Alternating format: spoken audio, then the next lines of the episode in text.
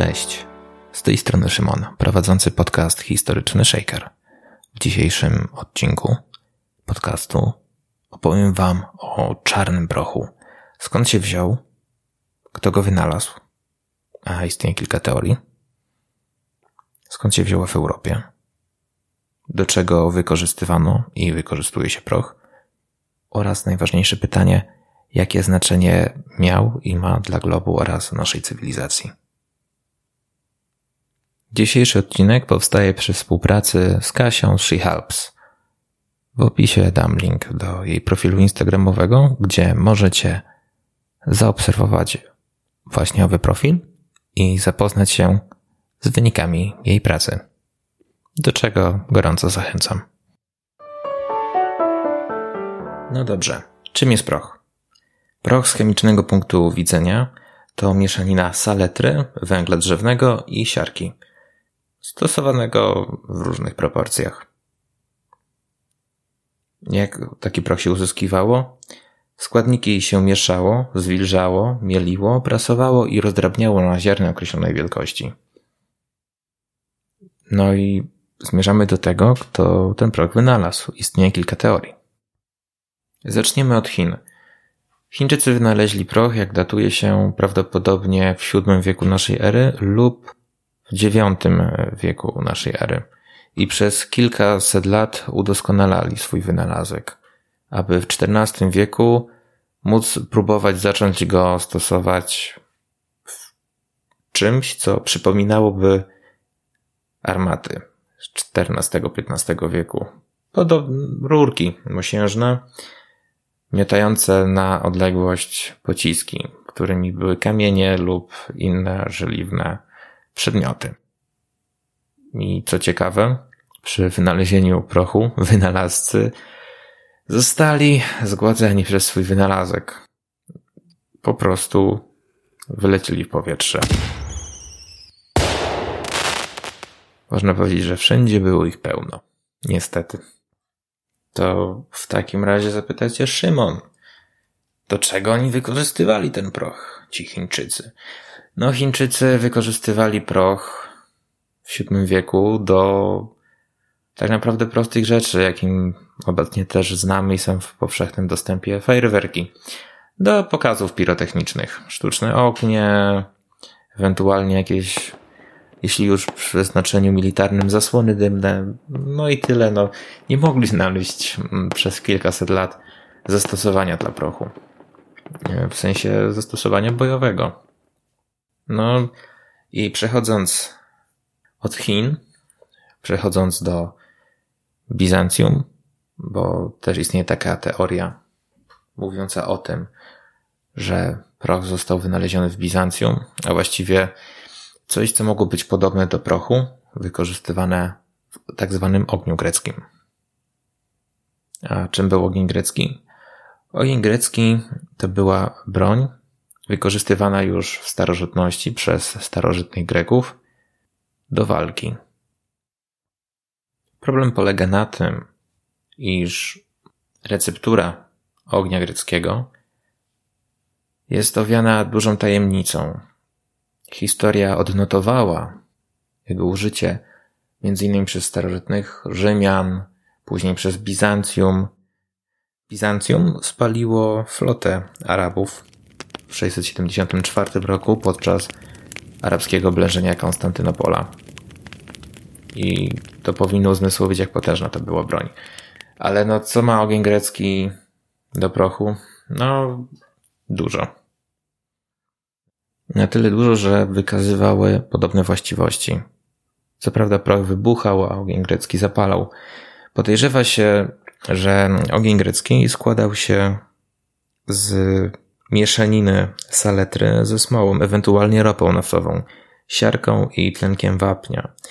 Substancja zapalająca była wyrzucana z syfonu na odległość i przy zetknięciu z przeszkodą zapalało się. Podobna zasada do miotacza ognia, tylko w miotaczu ognia zapala się benzynę, która się wylewa lub inną substancję potrzebny jest czynnik, jak e, iskra, która wskrzesi płomień. W przypadku ognia greckiego było to, że jak trafiało na przeszkodę, to dokonywał się samozapłon. I to jest to właśnie druga teoria, mówiąca o tym, że proch mogli wynaleźć Bizantyjczycy. Oczywiście śmiem wątpić w tą teorię, bo zasada działania troszeczkę różni się od tego z prochem, co jednak potwierdza, że starożytnym Grekom, a później na terenie Europy były znane już substancje zapalające lub wywołujące wybuch. No to pozostaje nam jeszcze trzeci trop i tak zwani, ja to ich nazywam fałszywi wynalazcy. Chociaż to niezbyt fortunne określenie, bo byli to prawdopodobnie, a właściwie nie tyle prawdopodobnie, co na pewno mnisi dokumentujący znaną już wtedy wiedzę o prochu z XIII wieku. A o jakich mnichów mi chodzi? Dokładnie o angielskiego Rogera Bacona, który w 1267 roku zanotował proporcje oraz o tym, że jest coś takiego jak proch, taki wynalazek. I niemieckiego mnicha Alberta Wielkiego, który kilka lat później, bo w 1275 roku, zanotował dokładnie podobną rzecz, że istnieje proch oraz proporcje, jakie uzyskał, z czego ci dwaj mnisi podawali się za wynalazców prochu. Jest to wątpliwe, bo jedynie co mogli wynaleźć, to na pewno teorię teologiczną, jak proch. Jak już wspominałem wcześniej, najprawdopodobniej zanotowali to, co już było znane w Europie. Dzięki historii, którą zaraz opowiem, w jaki sposób proch znalazł się w Europie. A kończąc wątek, kto wynalazł proch? Chińczycy. Moim zdaniem Chińczycy. I tutaj nie ma nawet, przynajmniej ja nie mam wątpliwości, że najbardziej prawdopodobną teorią są Chińczycy. Przechodząc do drugiej kwestii. Skąd w Europie proch? No skąd, no skąd, no skąd? Odpowiedź w wersji skróconej to oczywiście z Chin. Tylko no skąd się wziął w tej Europie? Już biegnę z odpowiedzią a właściwie po prostu wam opowiem. Były dwie ścieżki, którymi ten proch do Europy się dostał. Pierwsza ścieżka, a właściwie szlak, jest troszeczkę podobna jak w przypadku opowieści o papieże. Tak. Owszem, owszem. Arabowie. Tak, znowu Arabowie z Chińczykami.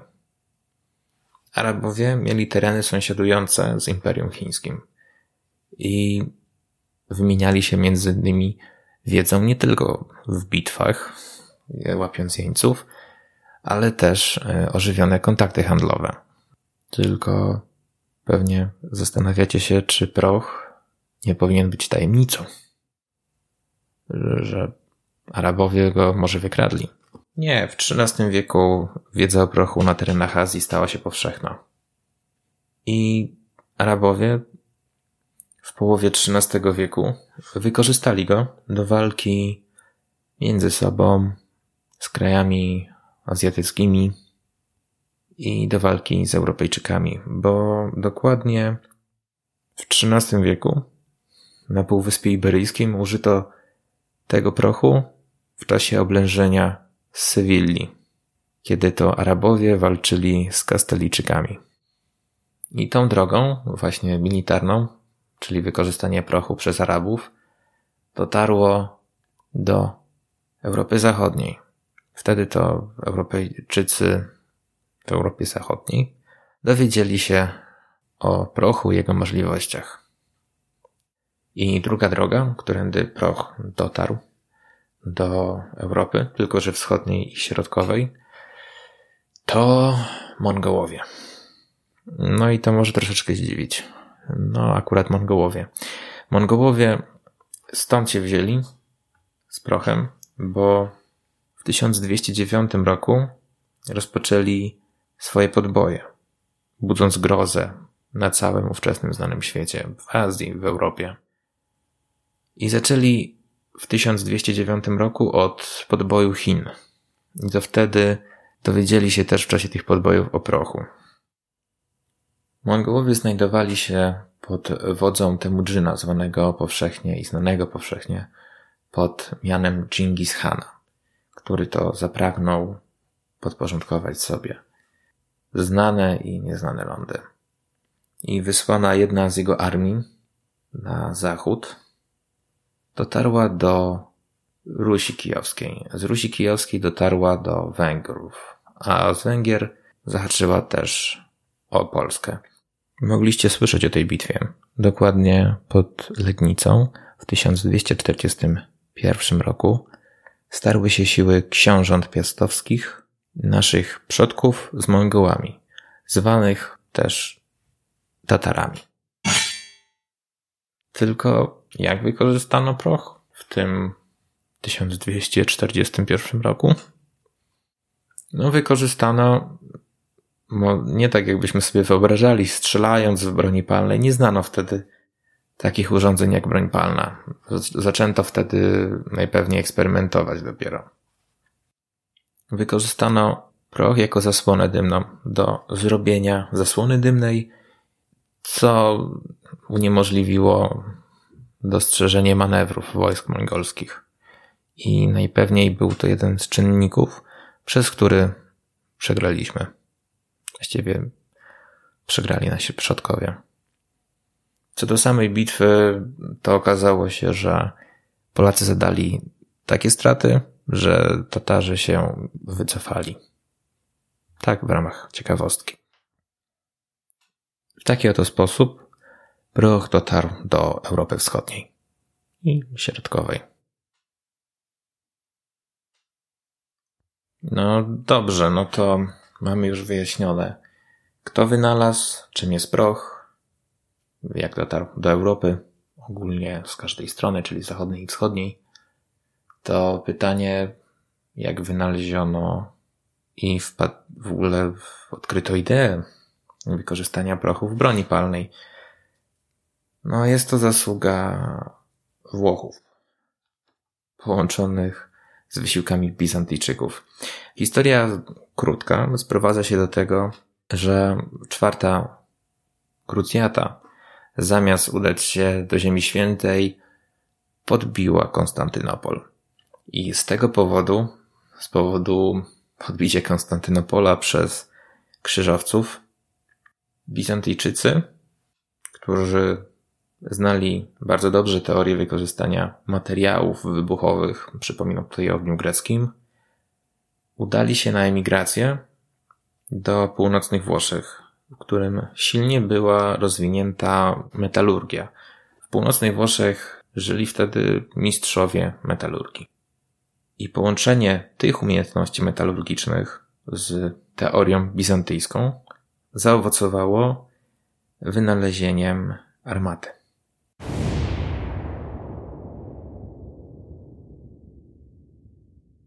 Tak, wynalezieniem armaty. Prach już wtedy był znany w Europie. Znano go na tyle, że wiedziano, jak go zastosować. I miano na to sporo czasu. Przy czym pierwsze armaty nie miotały na odległość kulami armatnimi, tylko kamieniami i udoskonalono je do formy bojowej nadające się w ogóle do użycia wojskowego dopiero w XV wieku. I wynalezienie armat oraz tak zwanych samopałów spowodowało zmiany na polach bitwy. Weszła do użycia broń palna. Mm, oczywiście mało skuteczna, wtedy jeszcze mało skuteczna, ale z każdą dekadą polepszano broń palną. Zmieniano formę, kształt pocisku wylatującego z broni, co doprowadziło do zmiany i sposobu prowadzenia bitew. No dobrze, no to chronologicznie, do czego wykorzystano proch? Pierwsze były pokazy pirotechniczne, fajerwerki, zasłony dymne w bitwach starożytności, w średniowieczu, co miało zmniejszać morale przeciwnika, a ewentualne wybuchy, bo takie też oczywiście były, ale mało groźne, straszyć konie i zwierzęta. I dopiero właśnie XV wiek zrewolucjonizował pole bitwy. Wybuchy, które miały wtedy miejsce, tylko nieoddzielnie, a właśnie w armatach, początkach tak zwanych samopałów, zmieniły pola bitwy. Aż do tego momentu, w którym obecnie się znajdujemy. Czyli bomby, pistolety, karabiny maszynowe. Po prostu dużo, dużo broni. Oczywiście nie tylko wykorzystywano broń w bitwach. Warto wspomnieć, że proch był wykorzystywany w górnictwie przy rozsadzaniu skał, w kopalniach czy budowie kolei przed wynalezieniem dynamitu. Jakie znaczenie miał proch dla globu i naszej cywilizacji? Jakie ma właściwie obecnie? Nieocenione. Naprawdę nieocenione. To w ogóle oznaczało zmianę świata. Przez wprowadzenie nowego wynalazku, który wiadomo stopniowo ewoluował. I jak odkryto jego właściwości batalistyczne, wynaleziono broń, co wpłynęło na, na człowieka, na cały świat. Mianowicie wpływanie na losy innych krajów przez zagrożenie użycia wojska uzbrojonych w broń prochową, czy, jak już wspominałem wcześniej, ingerencję w naturę przy wydobywaniu złota na Dzikim Zachodzie, budowach kopalni i w wielu, wielu innych miejscach. Tak naprawdę proch okazał się takim perpetuum mobile w cudzysłowie. Jego brutalna siła spowodowała naprawdę wiele okrutnych zmian. Ale to człowiek, warto zaznaczyć, używał tego prochu. I to on zmieniał świat do takiej formy, jakiego znamy. Gdyby nie wynalezienie prochu, prawdopodobnie zostałoby inna substancja użyta do rozwoju broni. Ogólnie inaczej by się, wiadomo, potoczyły nasze losy.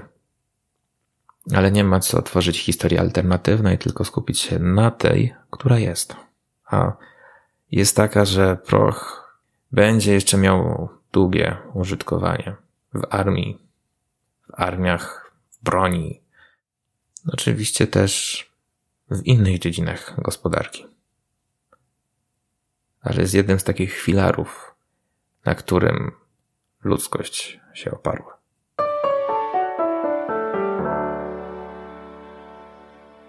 To by było na tyle w tym odcinku. Dziękuję za wysłuchanie.